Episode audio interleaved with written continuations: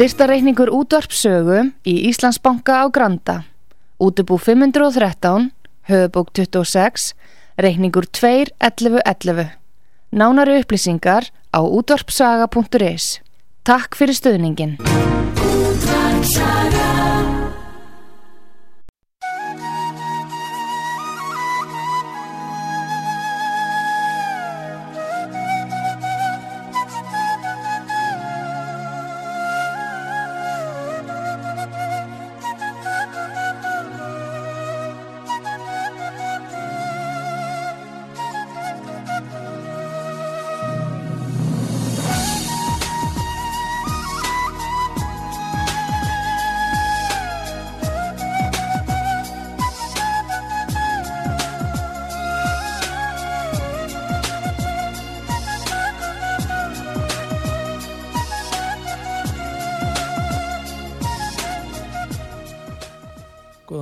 Góðir hlustendur. Haukur Hauksson sér að þessu sinni um síðdegistáttinn hér á útvarpi sögu. Það er margt því miður. Víg, víg á víg ofan, blóð á blóð ofan, fólk fast í rústum, börn degjandi, súklingar undir múrsteinum og steipuplötum og þökum, húsþökum á gasasvæði og viðar skjálfilegt ástandi heimsmálum uh, og sér ekki fyrir endan á og eru vondar líkur á þessu öllu. En, en við ætlum að ræða hér við Bjarnar Haugsson þjóðfélags eða samfélagsrýnir réttar að sagt. Nú í gær hjá, hjá okkur var Ólafur Ragnar Grímsson herra Ólafur Ragnar Grímsson fyrirhandi fórseti sem að hefur eða opnar ringborð Norðurslóða um klukkan 13 á morgun í hörpu og er að koma landin okkar vel inn á landabref heimsins. Nú hann líkti í samtalinu í gær norðurskautinu við nýja heimsálu, Afríku. Og ég skauti inn að Afríka væri líklega um uh, 30 miljón ferkilometrar síðan fletti ég þessu upp og Afríka er 30,3 miljón ferkilometrar önnur stæsta heimsálan og hérna ætla ég að spila fyrir ykkur það er rússar hafa mjög upplugt net eða sem sagt á símum er Alísa nokkur og það er hægt að spyrja Alísu. Ég ætla að spyrja Alísu um stærð Afríku. Þetta er í Yandex, sem sagt í rúsneskum farsimum. Алиса, Африка, сколько квадратных километров? По данным русской Википедии, Африка – второй по площади материк после Евразии. Омывается Средиземным морем с севера, Красным – с северо-востока, Атлантическим океаном с запада и Þarna Индийским er, океаном þarna er с um slekki á Alísu. En Alísa er þarna að fara yfir, drefum í henni. Uh, já, hún sagði að, að, Evrópa, að, sem sagt að þetta væri önnur stærsta heimsálan eftir Asíu. En þetta er mjög gott kerfi þessi Alísa og öll börn í Rúslandi og fyrir um Sovjet sem, og öll hinn stóri rúsnesku mælandi heimur sem er hálfur miljardur notar þetta mjög mikið og Íslendingar forritarar ættu kannski að uh, taka þetta til uh, fyrirmyndar en Alísa er að sjálfsög hvern mannsnafn Alísa og Alísa er mikill hjálpar kokkur og maður getur spurt hana hverja einustu spurningar hún svarar öllu þetta er frá rúsnesku tölvu mönnum sem eru mjög framalega Nú Bjarni Haugsson Biden uh, uh, hann er kominn. Já, fórseti bandarækjana Jósef Rabinett Biden Jr. er lendur í Tel Aviv en með Air Force One uh, flugvél, bandaríkja fórseta sem er Boeing 747 voru einhverju snúningar á henni? Já hún hérna millilendi á Krít á leiðinni í, við Sútaflóa en hvort að það er satt NATO, herstu, NATO herstuð þar og hvort að það var eitthvað, hún, breytti þessum stefnu sko, hvort að það var eitthvað eðlilegt eða hvort að þeim bárust einhverja tilkynningar með eitthvað veit ég ekki. En hann er komin já og hérna og það var bara spurning hvort það fer áttur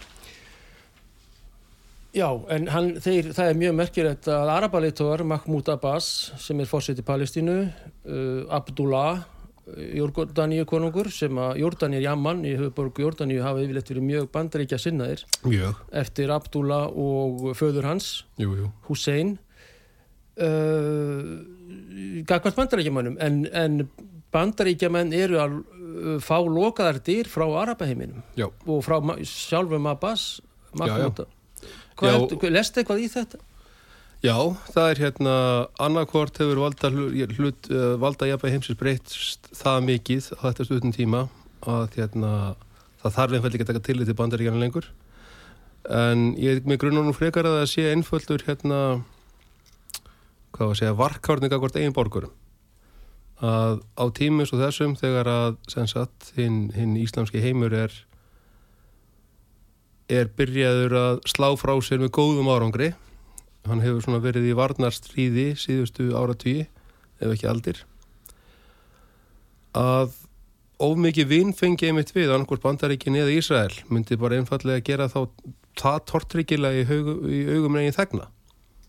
Nú hérna kuð hafa verið reistur svartur fáni hefur ákveðinir Moskvu í, Moskvu í hérna norður Íran. Hér eða held ég sem að heiti hvað var það ekki Kersson það er hérna í Úgræðinu heldur Karesen eða eitthvað líka, ég man ekki hvernig það var. En það er sem sagt uh, lítill pistil, ekki pistil lítill hérna uh, í, í kórunum um það að, eða í Íslam um það að hérna að fylgjandi hinn svarta fána sem kemur frá Kjærsson þar meðal þeirra mun vera meðal annars Mati. Og Mati er sem sagt Messias muslima og það er mjög ákveðin atbyrðarás sem að fyrir í gang. Ef að mati er mættur að þá mun hann leiða hér frá, sem fylgja þessum svörtu fánum frá hérna Persíu. Og hann mun fara til Jérúsalem og hann mun þar berjast við, við fulltrú óriðleitisins á heimsvísu. Jésu mun slást í förmiðunum þegar hann til Jérúsalem er komið og herskarar Jésu og hans munu undirbúa heiminn undir hinnar heinu tilveru Er það Jeshua, hinn muslimski Jésús? Já, sagt, þetta er náttúrulega... Jésús er líka hjá muslimum? Já, en þetta er sko sami Jésús. Í þeim skilningi að, hérna, að uh, hann er einhvers konar stóri bróðir innan Islam. Hann er ekki, hann er spámaður, hann var ekki síðasti spámaðurinn, síðasti spámaðurinn var, var Muhammed og hérna Já, þetta er svona, þetta er svona, svona, svona einhver samrunni á, og svo mörgum hefðum líka á þessum slóðum sko. Það sem að eins og hérna bara í Sóro-Astrianisma þegar að hérna Sóro-Astr talar um hérna Ahura Mazda og Ariman sem sko fulltrúa hvað, hvað, góðra engla og vondra engla eftir að, að Guðsett skapaði tilhöru jarðarinnar og nefnbyrjum að herðu fyrirgjöðu ég er Ég er að fara alltaf langt út fyrir málið. Hvað var hérna spurningin? Við vorum að tala um svarta fána frá Persaveldi og Mati. Já, Mati. já, akkurat. En hann er þá, Mati er þá í eh, líki einhvers bara ungs óþægt uh, eh, islamista, jihad, já, það fer, það fer alveg eftir hvaða síð islamaði fylgir. Þannig að sem er sunni muslima þá er mjög ákveðið að hann mun vera afkomandi hérna uh, Muhammed og Fatimu. Nefnir, nú er ég kannski eitthvað að þess að röglast.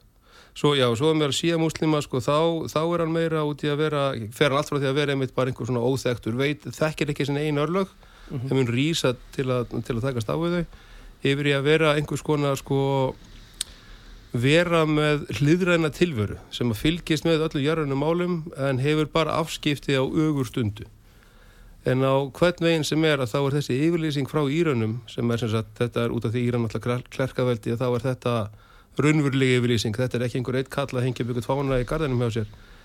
Að mati sé komin þá er sagt, tilgangi íslenska lífveldisins fullnægt fyrir utan það að há og segra þetta stríð fyrir hans tilstilli og í hans nafni. Þetta er mikið signal, þetta er mikið Já. merki til bara muslima heimsins. Já, frá Íran frá, Já, frá Íran. Og frá stjórnvöldum í Teheran. Já, og, og, og sko yfirlýsingin er, er að miklu leiti í henni fælst að það er engin munur lengur sunni, síja, salafista hérna, sófista nei, súfista segi ég aðgreiningin að hún, hún er búin núna okkar maður er komin, nú stöndum við saman Þetta er mjög merkilegt ef að síja sunni þessi ágreiningur og dráp á milli hópa og já, já. þeir sem hafa tólkað bók þeirra er, er, er þessi sátt búin byrjuð? Já, virðist vera. Og þetta er nefnilega þetta með þetta sem gerðist 7. oktober ef, ef það var samstagsverkefni Íranska líðvöldisverðar eins og Hamas eins og, eins og mig grunar að þá var, var þessi félagslega umgjör sem hafi verið talað um því samhengi var einmitt akkurat þetta. Að mati eða einhver hlutur sé búin eða sér stað sem breytir öllu bókstallega öllu, í tilveru allra manna á þessum slóðum. Og því að það, það bara fylgir í sugunni sjálfri, þegar að matið kemur þá mun hið illa sigrað það er bara sjálfgefið sigrast. Sig, sigrað, þeir munu sigra Hið illa verður sigrað. Já, og það, og það er sjálfgefið núna. Ef að matið er komin þá er þetta bara, bara spursmáli formsatriði. Hið illa í augum muslima er það Bandaríkin og Ísrael fyrst og fremst, mynd- eða hver er bankaveldið, hver Já, það myndi, ja, sagt, það myndi þá holgast í bankaveldinu. En sagt, eins og það er orðað ef ég maður rétt að þá er það óvinnir uh, réttlætis og jafn ræðis. Ekki jafn rétti náttúrulega en jafn ræði. sem Sagt, þannig að það er í, í islamis og öllum trúabröðum þá er alltaf ákveðin hýrarkía sem að er svona fólkin í þessu öllu saman. Já, já, mikil ósku En hérna, já, þannig að, að fyrir þetta sérstaklega fólki náttúrulega á Gaza og kannski er þetta með hugsaði þeim tilgangi sem að þrátt verið náttúrulega hafa herst alveg afskaplega mikið núna á síðustu áratugum á stanslausum raunverulegum og sálfræði hernaði og þá er þetta, stappar þetta ónættilega stálinu en þetta líka færir nær hvort öðrum til þess að þessi ofbóðslegu margu múslimar, þetta eru miljardur manns rúmlega og tildúlega lítill partur á honum er, er sem sagt með það sem maður heldur kannski eru arabar. Allt með svo í Indonésiu og Afríku og allstæðar að þá þá hafa menn aðlist þennan sið en alltaf kannski með svona eigin höfðutaldið frekar en endilega stránt frá Bagdad eða, eða Kæró eða hvaða nú er en þetta nýja islam þetta færir alla undir sama hatt. Allir múslimar berjast með og fagna mati. Og að þetta sé að gerast og svo að sé fórseti bandaríkjana sjálfur holdgerfingur sem þessa valds þess sjálfur ofenbjör holdgerfingur þessa vald sem að kuð berjast gegn er bara mættur eins og eins og já, ég veit ekki hvað á að segja þetta er sko, mér fannst uh, Gerald Ford uh, svona vera, vera daldið með sko, skotmark á sér. Að senda eitt flugmóðuskip eða eina flótaldeit þarna botnum við Írahafs en núna þegar þessi kall er komin það eru bara of margir sem sá sér of mikinn hagi því að hann fari ekki heim aftur. Biden, Bætin, já. Þá Arabar er Ísraels megin líka þá eða? Já, og Já. hérna, já, já. Sko, sem sagt þessi árósu gerð með góðum árangri og fólk býst við gagnar á samstundis. Nákvæmlega, sem ekki hefur orðið okay, já, eftir síðan og málið er það náttúrulega er að Gaza er virki. Og það komið aldrei inn að þess að við rættum um í fyrir þetta að, að hernaður að slóða með virkja hernaður. Það er lítið af landi svona rektanlegu þannig að þetta er allt svona kjarnar. Og að ráðast inn á Gaza myndi hafa kostað óurlegt blóðbað. Og mun kosta óurlegt blóðbað þegar ég held að ekkert að breysti þeim öfnunum að En að hérna já, þeim, þeim leist ekkert á þá jöfnu sko, sérstaklega núna þegar þeir tóku tilliti þess að, að og með skilst þetta eru tölur sem ég var að sjá í gær, að það sé raun og veru 550.000 manns undir vopnum sem sagt inn í kerfinu hérna hjá Ísæðarska hernum. Og þar sé svona almennt gengist við því að svona cirka bá 250.000 af þeim eru ekki vígvallar hæf hver svo sem ástæðan er og þá er eftir þess að 300.000 virkir hermenn og eflust afskaplega harðir og velþjálfaði menn. Og að sko grunnurinn allir þess að herrtaka svæðins og Gaza eða þann Gaza sem þeirra auglist er muni taka, sem þetta norðupartin það þarf 100.000 minnstakosti 100.000 fótgungulega með alltaf hans stöðning sem að þeim býðist og varalið upp á svona 200.000 og það er bara til þess að sækja fram á Gaza-víkstöðunum og þá er enginn hér eftir til að verja norðurlandamærin eða austurlandamærin. Og Hesbóla við uh, Líbanonsku innmitt mm og hérna þannig að þeir hafa verið þessari stöðu sko að þeir meiga eða geta ekki fest sig herfræðilega séð á neinu meinu vikstöðum án þess að hinar tóið á í hinn áttina. Og það hefur farið mörgum sögum um þetta hvernig gengur í við landamöruna Líbanon að, að þeir kufist vera orðin mjög aðgangsharðir þar margir, margir hérna múslimanir og komni bara frekar langt inn í land. Inn í Ísraelsíkin já já. Jaha. ekkert ein- engin svona endilega uh, svona sókn eins og við myndum hugsa um það með, með sko einhverju, einhverju fjöldamanns. En að einhverju týr og hundruðir af köllum eru þarna váfrandi í fjöllunum haldandi í söður þannig að þetta lítur ekkert sérstaklega vel út. Nei en hérna töfin sko er að, já, Ísraelski herin komst að því að hann gæti herfræðilega séð ekki unnið þetta og svo líka þeim heldur ekki hvaða myndi vera þeim afskaplega blóðugt. Og þá komu bandarækjumennin í söguna. Og þeir eins og ég segi, þeir eru búin að flytja hérna menn í stórum stíl.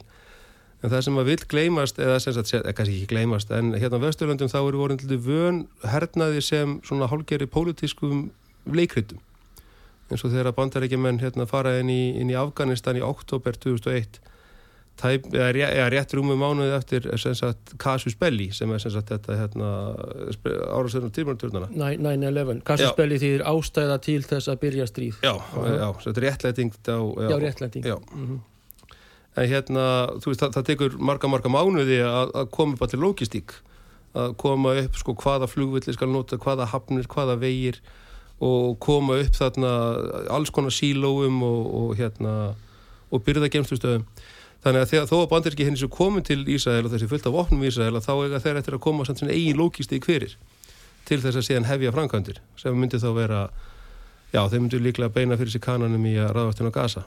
Og það, það tekur tíma að koma þessu öllu, öllu fyrir. Þetta eru heljarinnar vélar þessir herir sko Heldur að bandaríkja hér myndi fara í það og, Mike Milley uh, Mark Milley að senda sína dáta amerísku til þess að fara í þetta blóðbáð á Gaza fyrir jafnvel besta vinnin í Ísrael? Já, já, já, ég meina það er sko núna að hafa lekið og vist verið hakkað einhverju samskipti innan hérna amerískra stjórnsýslu og hefstu stegum hersins.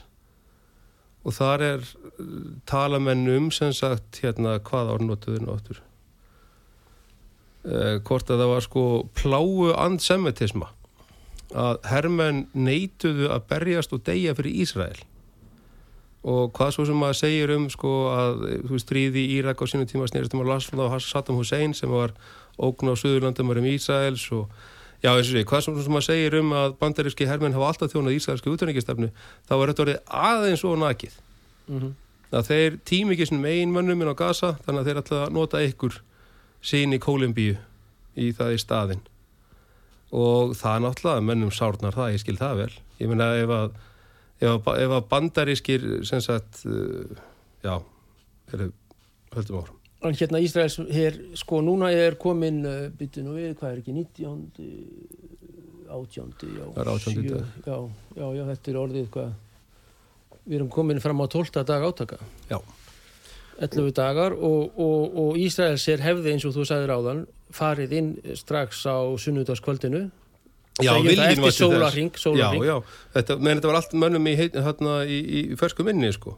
Mhm. en þá líka kom þetta með því að sko þetta með árásina 7.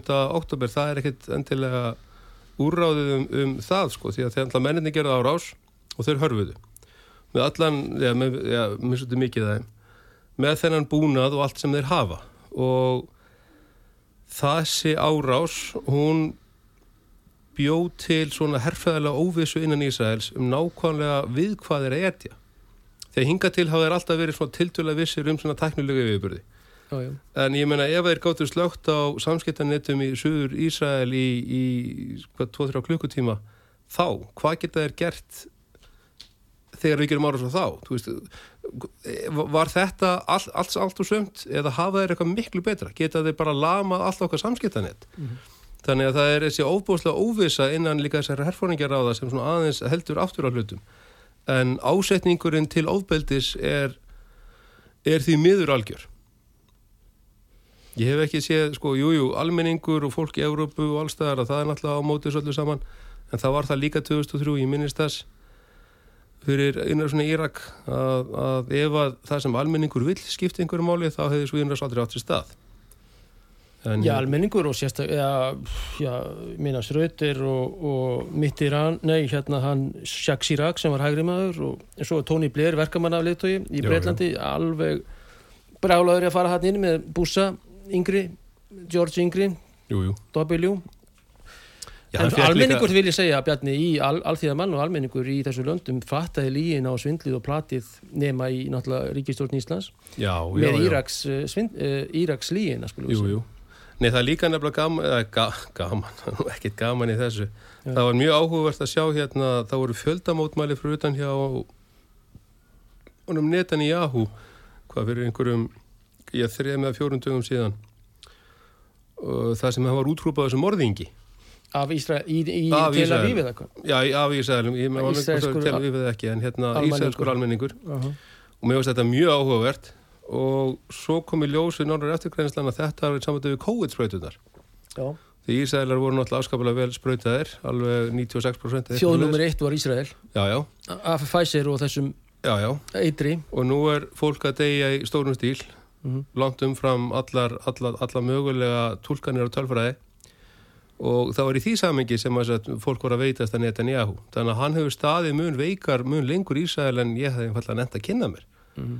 þannig að, og já, og hann var sett að setja í gegn lög um það að sem sagt uh, Ísraelskum ríkisborgunum var ekki heimilt að taka þátt í að framleiða eða dreifa áróður sem er líklegur til að draga undan baráttuþrykki Ísraelska hersins eða vega að málstað Ísraels og alltöðu grundvelli bara svona algjör algjör rítskoðuna lög mm -hmm. Og þá er einhver minnaríkisáður það er sjálfvald sett hvort og hvenar hann beitir þessu. En það beinist á sem sagt að þessu að, að já, svo, svo, svo er sko miljón Ísrael að flúin. Þannig að það er óbúðslega upplausn í, sko ekki bara í Ísrael heldur í, í bara heimi gýðinga á, á, á jörðinni. Þegar Ísrael átt að vera, átt að heita sem sagt að vera bæði örugt skjól gýðingum og raun og veru óyfirstíganlegt hernaðarafl því að þú er náttúrulega, þú veist, þú voru með, með teknilega yfirbúrið og þeir eru aldrei að fara að láta það af höndum Nei, nei. svo er það bara alltaf búið að gerast Og- Eru þeirra, já, byttu við alltaf fram bara Nei, þannig að, að allir eins og þetta með að, að þeir séu að, að snubra hann, hann Bíten og Blinken hann Blinken ákveðu þá átti að fara að fund í Sáti Arabíu sem var síðan, sem frestaðist og frestaðist og var síðan afbúðaður. Hann beigði 8 klukkutíma Já, já, eða, já, akkurat, bara, Þetta er algjör niðurlæging Þetta er algjör niðurlæging. eh, Tony Blinken, já, já, Blinken miklu- já og, og bandaríkjunum. Þa, það, er, Vissulega já. það er sko útreikningur nýjusöldu saman að Sáti Arabíu á nokkrum dögum fóð frá því að Já, hvernig get ég orðað þetta fallega? Heyrðu, já, sett, fóð frá því að bara hlýða og, og, og taka þátt bara, og taka þátt með því móti að þeir, þeir letu eins og þeir væru, sem sagt, þeir sem áttu hugmyndina þessu öllu saman? Salman Prins og pappans já, já. En, og núna allt í einu þá bara nei, við höfum engan tíma fyrir, fyrir ykkur. Þetta er stórmerkilega Þetta þetta er er, rosalega djörf uh, eða gróf diplomati að, að, að, að hann- þeir kannski líta á hans sem geðingaloppi þar sem að því að Antoni Blinken er af Í- þeim kynnt húsi Davís já, nei, en, líka en að hann, láta hann hann býða 8 klukkutíma og, og mæti ekki síðan út í forstofi fyrir Salman, Já, hjá já. Salmani nei, og líka hann, hann, hann held einhverja ræðu sem að fór nú svona misvel í Amerikana minnstakosti þegar hann einmitt gerði mikið úr því I am a Jew. Blinken, og, já, Blinken.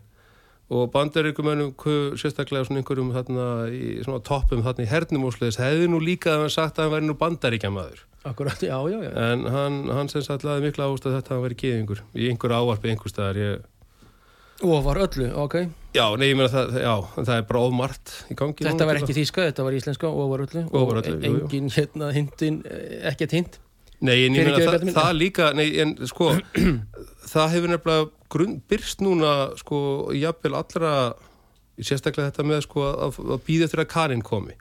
Mhm. að nú er sko fullt af fólki sem búið að vera mjög hlýðholt í Ísrael allan annan tíma grundu sem grundvallast að yfirleitt á þessari, þessari hérna, trúalögum grundvalli síanismin Já þetta- og, og þessi, þessi, þessir hérna, messas, messis, messianísku hérna, amerikanar og, og, og krist, já, og kristfylgjendur já, sem að álíta ákveðra atbyrðar á hvað varðar Ísraelsíkin mjög nöðsynlega.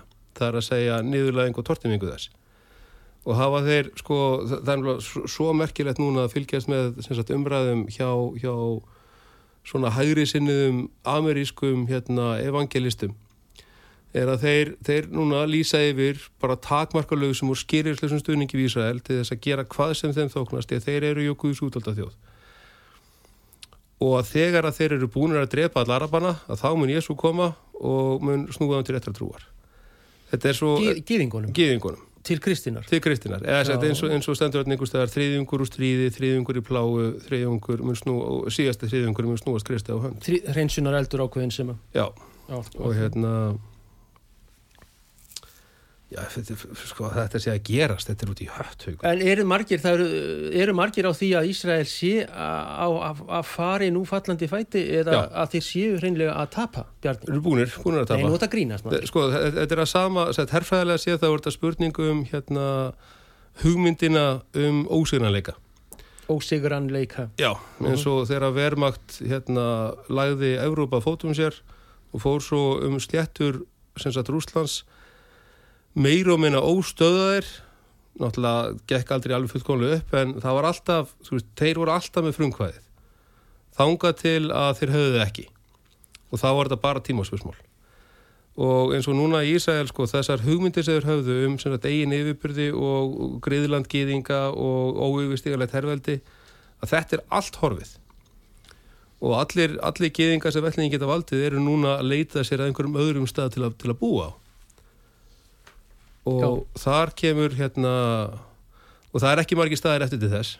Evrópa er núna undurlögð af, af sem sagt flóttamunum frá þessum heimslutum sem að munu ekki taka neitt sérstaklega í það Ísæla sig að flytja þangað núna. Þannig að já þetta er merkileg staða. Og þeir eru stungnir í Fraklandi, kennari, Belgíu, tveir svíjar, hansbyrnu áhuga menn, bara út af því að vera í gulbláu treyjónum, Já, ég meina þetta er sko, sko ef að mati er komin og þá, þá er þá er ekkert eftir annað en að, að berjast og deyja fyrir Islam og þá skiptir engum áli hvern og drepur svo lengi sem hann er ekki múslimi. Þetta er sko núna og þetta er líka þessar hugmyndir sem við höfum um, um hernað, um hérna, reglur í stríði og, og allt þetta. Þetta er allt sem að voru fallegt og guðvugt og svoleiðis en þetta á, á ekkert skiltur neitt raunveruleika þegar það kemur að svona því að há stríð sérstaklega ef að þið snúast um já, búa til hinn nýja heim með því að tortima þeim gamla Þetta heldur þú að hafi byrjað laugardaginn 7. oktober afmælistagur Pútins eh, haustið 2023. sko í þeim skilningi að, að dagatöl skipta einhverju máli þá já, en ég meina alltaf aðgerðin var skipulega löngu fyrir það, að, allt sem leiti til hennar var óumflýjanlegt frá einhverjum öðrum tíðapunkt einhvers annar staðar, en jú 7. oktober 2023 það er dagurinn sem verður hægt að setja í sögubækunnur að allt breytist og meira heldur en okkur tímar hún Sovjetríkjana það er það sem að hérna já, Hinn blakki tístagur, Black Tuesday, uh, þriðudagurinn svarti, jafnvel, á Wall Street uh, í november 20, 2000, uh, 1929. 1929 sálsög. Sko, það er nefnilega líka málið að í kjölfarið og öllum atbúrarásum, núna þegar allir fjölmiðlar eru fullir að tala um þetta, að þá eru tölurnar og mörkuðunum orðnar vist alveg hræðilegar. Já, við skulum ræða það. Uh, Ég, Þorsteinn Sigursson er teknimaður, já, Steini, hérna handan gles og hann að setja núna á ölsingar og við byrjum þá á markaðsmálum kannski. Svo er margt gasa bæten uh, sjúkrahúsið jú, jú. á eftir. Bjarni Haugsson, þjóðfélagsrýnir hjá Hauki Haugsinni á útvarpið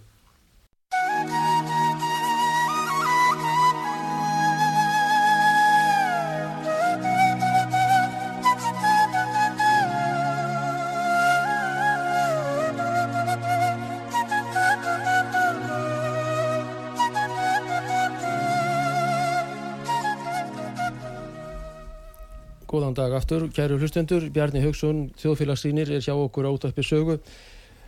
Uh, efnaðismál, uh, bankaveldið, uh, línur á Wall Street, Já. Ör, örstutt, við þu- þurfum Já, að komast við hérna, margt. það, það lítur ekki vel út. Það er, sett, eftir 2008 þá var þessi, var svona ákveð upphafa af hruni sem var síðan stöðað í miðjum klíðum með því að finna upp hérna STR, Special Drawing Rights sem ákveðni bankar fengu til þess að halda haggjörnum gangandi. Þetta leiti með einhverjum svona flóknum leiðum til þessara ESG-dóts sem að hérna BlackRock bjóð til en BlackRock á að heita hafa verið einhvers konar hérna fullt að drasli fór á hausinn og fór á náðir uh, ríkisins og sp- ríkispennan, náttúrulega allt baku tjöldin sko og BlackRock er elementið sem kemur úr þeim sjóði. Og hérna og hefur farið mikinn. Og, og er núna einhver hérna stæsti eigandi hvort að það er ræktanlegs lands og, og fastegna í, í bandaríkjunum. Úkrænu. Úgrænu, já, já, já, já. Koloníseringin gengur þar vel Já, já, Nýlendu stefnan. og það sem þeir geta keift að kaupa þér þeir, sko, á þeir bruna, til pening. bruna útsölu að bruna útsölu, já, já, já, já þannig hérna að það, það er svona í efnaðarsmálum þá, þá er eins og menn hafi beðið eftir því að, að fyrirsagnirnar veru uppteknar. Mm og núna eru þeir uppteknar og þá, þá er alltaf farað til fjandans Hvað er að frétta af rauðskjöldum, jú, Mikil og öflug fjölskylda Akkurat, talandi um efnahag sko, þá hérna þá eru þeir vist búin að vera með, með, með hérna hvað æf sveigja þetta uppbóð mm á, á því sem að hefur yfirleitt verið hugsað um sem sko ómetanlegir fjársugar sem er í höndum þeirra fjölskyldu. Og þeir kuð vera búin að selja þarna ótrúlegustu hluti. Ég veit ekki hverjum en einhver hefur kæft þetta. Og það er, það er teikni sjálfur sér sko, hvort sem að það er einhver því að sko rástælsfjölskyldan er fólk sem þarf ekki pening.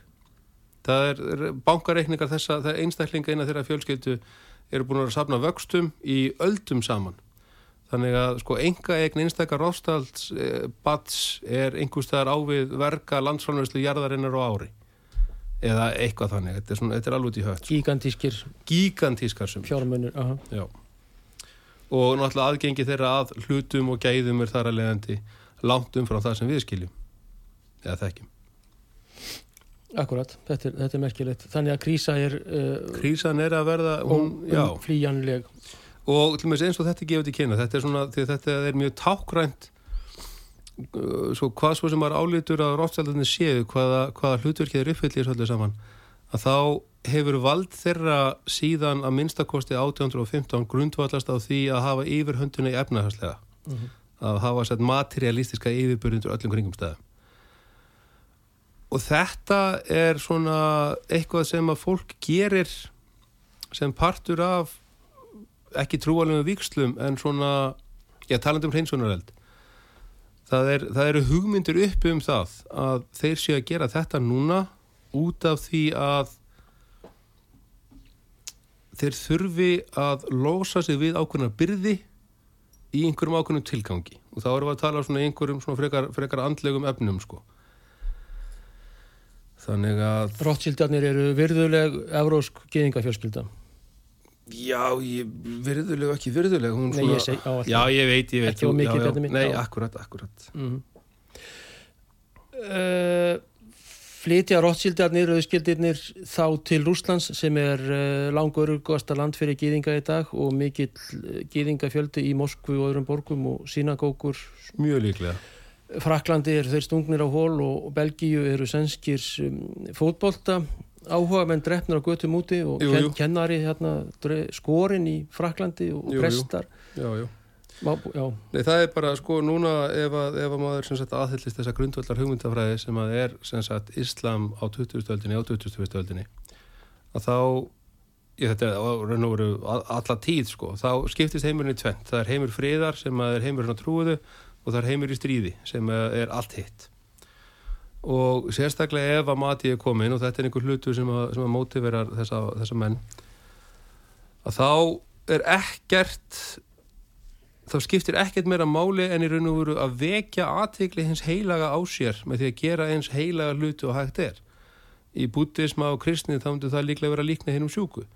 En út af því að heimur muslima er heimur í stríði og heimur í friði, að þá er að þeirra hérna, skilda að eyða heiminum í stríði. Og þeir gera það með stríði, með vopnavaldi. Og hvað svo sem hérna, fólki finnst um það, þá er það eitthvað sem þeir gera og þeir eru ekkert einir um það ég meina það er bara það er eðlilegt á þessum snerti fleti hins verallega hins andlega að uh, berjast og deyja fyrir óskiljanlega hluti Æ, herðu fyrirgefðu. Rottskildarnir þeir stofna Reuters 1885 um það bil. Jú, og hérna eiga hann og stjórna og hætti biblía lélegustu blaðmann á mestu auðmingja þeirri stétt á Íslandi og víðar. Það er allt, þetta er svo biblía, það er bara, það er allt sem að Reuterinn segir og þetta er, þetta er mainstream. Já, þetta, já, þetta er, ég meina þetta er líka sko þetta er hold gerfingur mainstreamsins algjörlega og, og er hérna, ég hefur talandur endur um einstíðum, þá skulum aðeins fara að tala um hann að blessa það spítala. Já, þarna á Gaza. Endilega því að sko fyrstu, fyrstu sögur af því að hann hefur verið sprengtur bárust frá sem sagt, mönnum hlýðhöllum uh, sjálfsvarnar sveitum Ísraels, EDF, IDF, Israeli Defense Forces. Jú, jú, og voru á þá vegu að Ísraelski herin væri að gera árásir á hérna vopnabúr terrorista sem var annarkort dulbúin í sem eða væri dulbúin við spítala og svo bárust myndir af öllum þessum, þessum bara, það, það er hérna sléttur af döðu fólki. Og þá breytist sagan og þetta var sem sagt uh, flög frá palestinumönnum sem að hérna sem sagt, já sagt, eldflög sem losaði um hérna springilhestunum of snemma og springilhestan fjall til jarðar. Aðsögn Ísraela. Að sögn í sæla mm og þeir síndu til þess stuðnings einhverja hérna, myndband málið er að mynd, Bandar ekki, e, Ísraelsmenn Ísraelsmenn. Mhm. málið er að myndbandið er sagt uh, af atbyrðar á sem ásist að alltaf klukkutíma áður en að spitalinn springur og svo breytir sögutræðurinn ennþá frekar að þá segir Ísraelari, jú veistu það gæti verið að við höfum gert það en þá var það út af því að þarna voru þessar terroristar og svo fer það nokkur klukkutíma setni yfir að núna við munum bara koma sannarnir þess efnist að þetta hafi verið terroristar og þetta hafi verið sagt þeirra hérna vopnabúr sem við reyðumst á. Og núna virðist einhvern veginn yfirstæðan vera svo spítalinn stendur enn að miklu leiti að þeir hafi, og Ísæðilega segjast núna að hafa ráðist á bílageimslu sem var þarna aðleikjandi og hafi ekki gert neitt annað. Og málið er að það geti vel verið sem sagt við spítala og ofnbæra stofnanir á Gaza síðustu daga þá hafa verið samstöðufundir þar sem fólk kemur saman í stórum stíl og stappa stálinni hvort annað Þannig að þeir hafi ekki þurft að sprengja spíturland til að dreipa allt þetta fólk. Allt þetta fólk stóð þarna fyrir utan og kertaljós og söng og eitthvað svona dót hvað svo sem þeir gera. Og það hafi allt fallið sem afleiðinga því að Ísælar gerðu sem sagt, segja, lögmæta árás á vopnabúr sem var geimt nálat spítalanum með þeim árangri að fullt, fullt, fullt af fólki dói. En upplýsingóreðan sem er sem sagt raunverulegur hlutur fyrir botnum meðir að hafs að hún er það mikil að það skiptir hún ekki máli hvað gerðist. Það er, það er of mikil vilji til að halda í hugmyndir. Eins og til og með þessi 40, 40 ísæðelsku börn sem átt að hafa verið hérna limleist og myrt sem að ísæðelski herin sjálfur neitaði að hafi átt sér stað og fór fram að það fólk var ekki að dreifa svona orðrómum.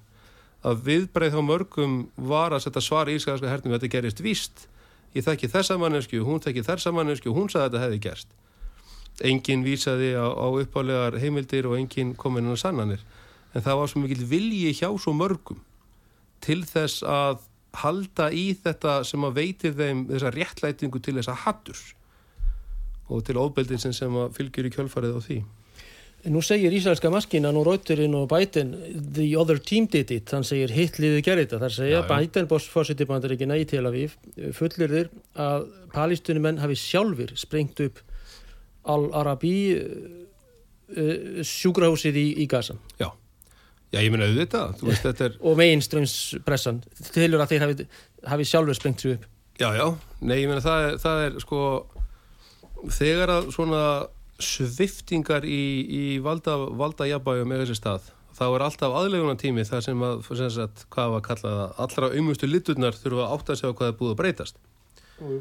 og hérna það er voðalega mikið málið núna að fjölmeilar á Vesturlöndum þetta var ekkert skilt við eitthvað sem getur kallað fréttamanna hugtak. Þetta eru, þetta eru pólitískir og ekonomískir operatífar sem eru að þjóna ákveðum hagsmunni til þess að skara elda í einn köku og það er bara fullkomlega eðlilegt innan þessara stjætta ég meina það er, það er nú verið ekkert skrítið við það því að það er það sem, að, það sem gengur. Akkurat, akkurat. Eru áhöldum það að Biden farið tilbaka? Þú myndist á það upp að vitals Já. frá hann fer með herkjum til uh, Ben Gurion líklega flugvallarins í Air Force One. Snýr við eða eitthvað og tekur elsniti á möldu eða kýpur eða hvað sem það nú var. Kýpurinn var enda hann rétt já jú, jú.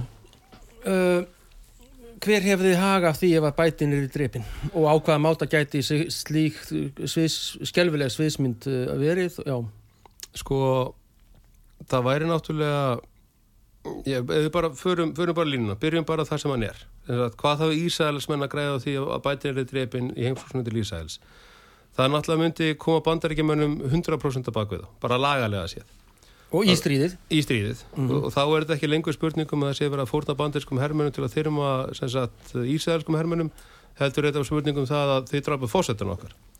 Og það skiptir engu máli hversu raun og veru ó hérna fíkuran er í lífandi lífi þegar einhver persóna eins og fósettan bandaríkjana er drefin að þá, þá er hann dýrlingur. Bara með því sama sko. Það til og með vil oft gleymast að, að hann JFK, John Fitzgerald Kennedy, hann var afskaplega óvinnsat í bandaríkjónum þegar hann var drefin, þegar hann var skotin hérna 20.11.63. En um leiðum hann var döður og þá hafði vola fáir neitt slemt um hann að segja. Þannig að það myndi líka hendarinn úr ákveðinu svona demokrata elitu í bandaríkjónum að, hann myndi þjóna þeim loka tilgangi. Því að ef að hann er drefin á heimsók til, hérna, til, til Ísæl að þá er Kamala Devi Harris, orðin fórstundabándaríkjana með þetta War Powers Act sem að fer eða strax í gangi ef hann skildi að vera drefin undir þessum kringumstæðum í óvinnöttu ríki. War Powers Act eru herrlög innanlands. Já, og hérna, og málið er líka það að það eru alls konar svo kvöldu executive orders sem að hinn og þessi fórstundar hafa búið til í gennum tíðina sem að sem sagt uh, snerta sagt, skipulag á pólitískum innviðum innan bandaríkjana og, og hver stjórnar hverju hvar og hvenar. Þannig að þá ef að War Powers Act verið í gang og Kamala Harris er orðin, orðin hérna, þá er hún sett orðin raun og veru það sem myndir kallast military dictator, hún er orðin, orðin hernaðlegur hérna, einvaldur og ekki bara yfir bandaríkjanum heldur yfir þeim, yfir sagt, dependencies og þá er það bara spursmáli hvað sem langt Amerikana vilja gangi því að skilgjana hvað er dependency og engar kostningar 24 engar kostningar 24 en dependency, hvað er það? Ha? dependency Já, nei, það, það myndi vera svona, þú veist, eins og Ísland sko. Ísland kannski er ekki minnin ólíu en við erum með þetta ál sem þeir þurfa í eldflugurna sínar og við erum með þessar hafnir og þessar, þessar landarfræðilegu legu. Keflaði ykkur flugöll og já. Já, þannig að við getum talist vera dependency. Þeir þurfa alltaf okkur að halda svona upp á að tryggja ákveðna luti sko og verði hún þá, hún, þú segir innvaldur diktator, Já, ekki yfir Íslandi eða þessum sko, hjálendum sko, eða, eða vináttu að sjálfsögur ríkjum Já, það er hvort, hvort þeir skilgreinaði sem nöðsynlegan sínum hagsmunum yfir ei. Mm -hmm. en þá verður það líka partur af hennar skildu er að tryggja þessa hagsmunni en já, þannig að sko, já, þannig að það, það, þannig myndi það geta þjónað þessum aðilum. Hvað var þar hérna, hvað ég segja, hvað er hérna hliðina, þannig að eru veist, þau mótspyrnu samtök, jihad eða Hamas eða Hezbollah eða hverja nú er sem gæti hérna, hvernig getur verið þetta, sett, sett þennan haus og ná spjótið sitt fórsetta bandaríkjana það er alveg einhverja þúsunda eða ekki hundru þúsunda eða ekki miljóna mannslega virði. Bara upp á svona þessa þessa pólitík þessa svæðis. Og svo náttúrulega maður verður að, analýsera hluti almenlega að þá eru, eru Amerikana búin að vera að veita rúsum skrávefur með hinnum og þessum leini aðgerðum og þó að rússar myndi nú ekki græðan eitt á því sjálfur sér að, að Putin myndi falla frá nei fyrirgeðu að, að Pítur myndi falla frá að þá þeir gæti alveg gert það. Bara svona sem, heyrðu fokkið ykkur. Sérstaklega í ljósið þess náttúrulega að Selenski var að skjóta þessum langdragu eldflugum hérna á hennan flugvall og, það er satt sönnun þess að, að því hann alltaf gerir þetta í kjölfar þess að býtengum í heimsku til hans að býten allt í enn persónulega er að halda því stríði líka gangandi. Eins og þessi 100 miljardar hérna fjárhags nei hvað hva er þessi, þessi fjárlög? Það sem er 100 miljón dólar er að skiptast um milli Úkræn og Ísrael sem að býten alltaf komið gegn En þannig að myrku öll og ákveðni skuðgabaldrar hefðu haga því að hafa enga kostningar í bandarækjunum 2024. Já, og sko upp á, á víkagna framværslu, bara svona upp á hver hagnast á að drepa, drepa bíten. Mm. Þá er alls konar líka ekonomiskir og, og svona, þannig strategisk element líka í gangi sem við höfum kannski tíma til að fara í núna. Hva, hvað hérna, já. Við óskum Joe Biden lífs og hilsu að sjálfsögðu og árangurs í Ísrael en það er mjög merkilegt bjarni að Arapaleitur hunsa hann með mjög grófum öflugum og og bara hörðum hætti og hans auðarriksraður Antoni Blinken. Já, ég meina eins og ég segi, þetta er sko hvort sem það er ótti við, við reyði þessar abla innanlands eða einfallega að þeir hafa verið að vera diplomatískir allir þennan tíma og þurfa þess ekki lengur. Að hvort sem þeir eru að láta þess að raunverulega eðlislega anduð í ljós eða hvort að þetta er viðbræð við einhverjum öðrum hlutum. Ég meina eins og, og Abdúla Jórdaníu konungur, ég meina Eh, Það var sagt, það var einhver sem síndi ykkur mynd og talaði um að það veri miljón manns við landamærin. Reyði búin að marsera yfir til Vestubakkans og, og ganga yfir hlutina. Og það er náttúrulega miljón manns, þú veist, þetta eru ígjur, það getur ekki annað verið. En þetta var óulegu skari. Óbáðslega mikið af fólki. Og, amma, og hann er ekki að fara að sjá til þess að þessi þvaga sem beinist núna að Ísrael og að, bjarga Gaza snúist allt inn á fósundahöllinni og að losna við sig og það að tala við hinn mikla Satan sem að núna stendur hallari fætin en nokkuð um að gert að þeirra, þeirra, þeirra hálfu það væri gæti verið hættulegt. A- a-. Þetta er náttúrulega af hálfum öfga þessara muslima og sha- shatan, eða shaitan, shaitan er satan. Jú, jú, á arabísku og tyrknesku og persnesku, uh Já, shatan, já. shaitan, shaitan uh og ég meina þetta, þetta er orð sem að þetta í orðsifjum þá þýðir þetta að anstæðingurinn mikli. Já, akkurat, já sá sem að hérna prosukator á, á latinu líka svona ákærandi. Sko, uh, Mirko Öll hefðu bæti náttúrulega bak við tjöldin, hann ræður ekkit rosalega miklu, þannig séð. nei, nei, 82 ár gammal, elsti fórsiti Bandaríkja Norður Ameríku, maður hans hérna maður hérna svona hann, hann nefnilega, ég man að hann sagði þetta einhver tíman, hann, hann Obama annars triði maður því valla en hann sagði einhver tíman nefnilega svona í, svona í einhverju kankvísi að hérna að sko Joe, Joe Biden og Kamala Harris það væri sín fullkomni hérna uh, það væri sín, sín fullkomna stjórn að hann myndi stjórna þeim baku tjöldin Mhm.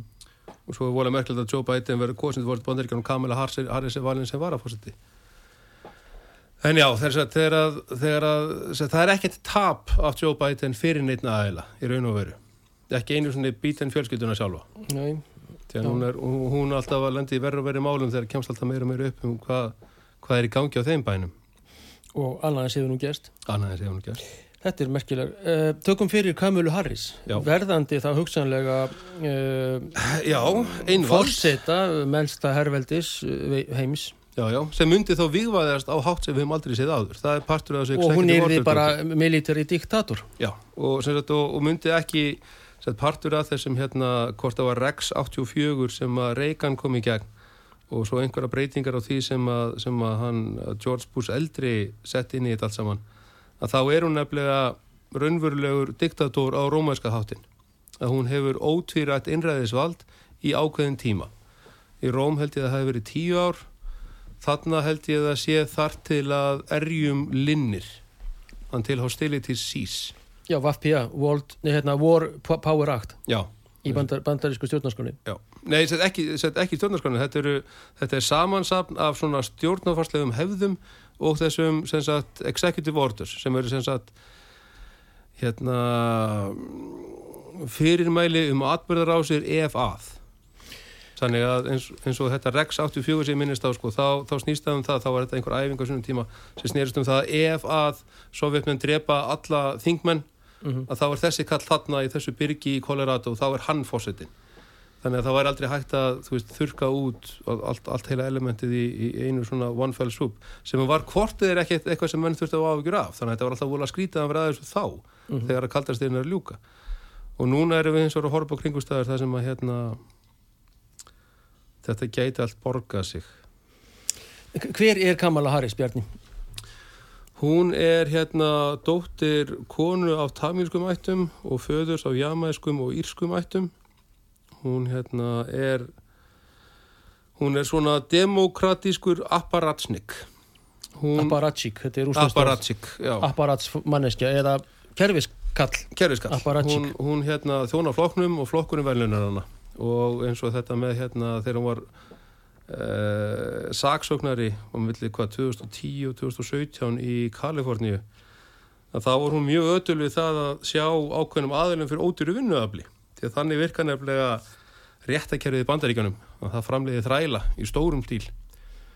Og þeir vinna fyrir hvaða fyrirtæki svo sem borgar fangilsinu sem þeir, sem þeir eru fangar í fyrir vinnu þeirra einhverja nokkur sent á klukkutíman og hún sem sagt sá til þess að, halda fangilsinu fullum Bandaríkin eru með þjóð hvað var þar fanga per höfðatölu. Og Tvær miljónir í fangilsum. Já, já, ef ekki meira Það eru krakkar að reykja bara hass sko út í bíl að þá eru þau komin inn sko í margra, Já, já, já, nei- eitthvað daga allan, ef þeir hafa ekki eitthvað ægilegt á bakvið sig sko. Já, já, Já, tröflaði. Já, já, nei, nei, það er nefnitt máli með hérna þessa, þegar þetta, þetta, þetta hljómar voðalega hjákátlega og svona fordfálegt að þessi verið að dæma fólki fangilsi til að það vinna.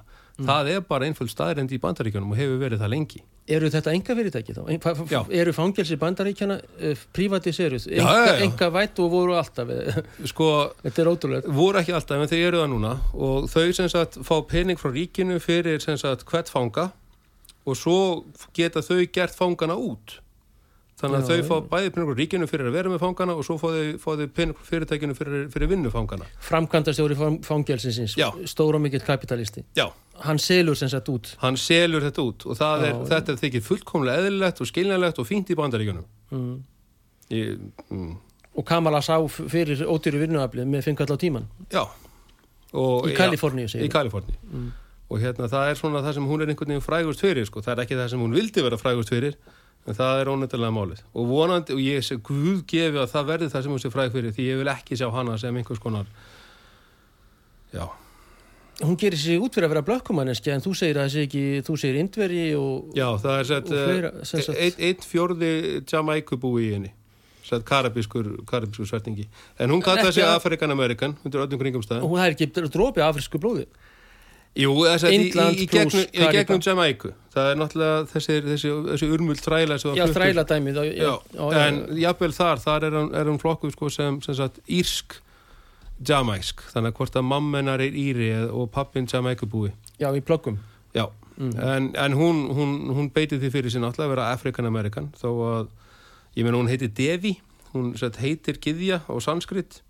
Já, Devi er giði á já, Já, já. og hérna og kemur öll úr þeim sið sko, þess að hún er kemur úr hindúasið mm En gerir ekkit út af þá svona PR-lega séð Hún- Afró er, er hennar. Já, ég meina það náttúrulega sko annarkort þetta Afrikan-Amerikan og farð tíu svona fleiri atkvæði eða þú ert, ég veit ekki, Indian-Amerikan og, engin. Nei. Þeir eru bara í reservations þar sem að eru dóp og kasino og vændi meina og það, það, myndi, náttúrulega vera Native Amerikan elduvatni Já, já. Uh, BLM er, það er svolítið enginlega samtök Jú, jú. Black Lives Matter sem Jú, eitt nafni er svona rasístíst einungis, það er ekki ALM og Lives Matter Nei, nei. einungis Nei. Black, Black, Black Líf eru merkilega Já, já, nei, en sko þeir, þeir, hún í- alveg, þeir gengu allt og langt um daginn þegar þeir hérna lístu því yfir að, að sem sagt meðlimir band, meðlimir samtaka sinna og samtaka tengdu samtökum sínum ættu að reyna að dekolonisera Ameríka og sama hátt og Hamas væri að dekolonisera Ísrael. Þetta er sko öll klikkunni fyrir botni miðjirahafs og öllu svo trúalega dótt öllu saman það er allt í þetta eitthvað vitrænt að í gangi. Hvað, hvað svo sem manni finnst um trúabröðin og allt þetta. En þetta BLM element er er orðið algerlega fyrt því að nú sko bara myndir sem maður sér sko, það sem, og því þeir eru nefnilega byrjaðir þeir, þeir taka þessu bara, já já, nú ætlum við að gera þetta. Þannig að núna er bara senur úr Mad Max í gangi í bandaríkunum, Chicago og annar staðar. Mad Max, hvað, veitu hvað Æ, það er þessi, þessi ástrálska bíómynd hérna með Mel Gibson á sínum tíma sem að, sem sagt, hérna vega strísmaðurinn, Já. það sem að fólk keirir um og sér útbúnum bílum til að koma, annarkvort er þess að koma að höggja og hvort annað til að koma í vekk fyrir að bílarnir þessu eðilaðir, þau tekin, drastlið er að teki og þau drepin og naukuð Nei, þú veist, þetta er svona, er svona dómstæðstótt þetta, þetta er sko matmaks að búið til á sínum tíma sem einhvers konar spjespeill að því sem gæti orðið þegar kjarnungustriði myndi verða raunvörulegt og hvað myndi verðu mannleitt samfélagi í kjölfar slíks hruns þetta er að gerast núna menn allt rastlið er ennþá í gangi Er þetta búast í borgarastyrjöld í bandaríkjunum þá eða? Er, Sko- er það næsta leiti þá? Ég meina heimurinn er það brjá- brjálaður orðin en, en er hræddur um það. Er það hæ, hætt við? Sko þessir, þessir sagt, það er búið að ala á sundrungu í bandaríkjunum meðvitað og kerfisbundið með öllum þessum samfélagsmiðlum og öllu þessari, þessari menningarlegu sundrung og það er, sér, það er búið að sá fræjónum og hvenar þau byrja að blómstra það geti ekki sagt til um en þau munu blómstra og það mun vera hræðilegur ávöxtur Hvað með okkar ágættu friðsömu Evrópu og uh, Ísland? Ísland þarf að byrja að huga að því hvort að við eigum ekki nógan mat og nóga byrðum, hvort að við getum ekki flutt hennan mat á þá staðin sem þurfa að vera, hvort að við þurfum að koma í dreifingakerfi, hvort að við þurfum að byrja að skamta. Ég alveg er talað, þetta er hérna, sko, þó að það voru engar aðrar ástæður en mannlegar aðgerðir á herfræðisviðinu núna burt sér frá, frá umhverfum og, og, hérna, og náttúrhamförum og öllu slíku, þá myndum við þurfa að fara að huga okkar búri og okkar, okkar dyrum. En ég hef ekki nokkra trú að það muni gerast ég hef ekki nokkra trú að því að neitt í Íslandri tjórnsýslu sé starfísinu valdin Þetta verða því miður að vera að loka orðin og að vísu er e, mjög ófriðvænlegt í þessum heimi og sér ekki fyrir endan á átökum, blóðbaldi pyntingum, þjáningum, það er eh, leiðilegast og vest að sjá lítil börn deyja með dárin í augunum já, já. undir eh, byggingum, heilum byggingum og að þessi gríðilega greimt sé í gangi í heimi vorum. Nú við reynum að uh, óska öllum lands og fri, uh, bestu kveður til Íslendinga og allra landsmæra. Þorstein Sigursson var teknumæður, Haugur Haugsson og Bjarni Haugsson kveðja að sinni við reyðsæl. Sæl.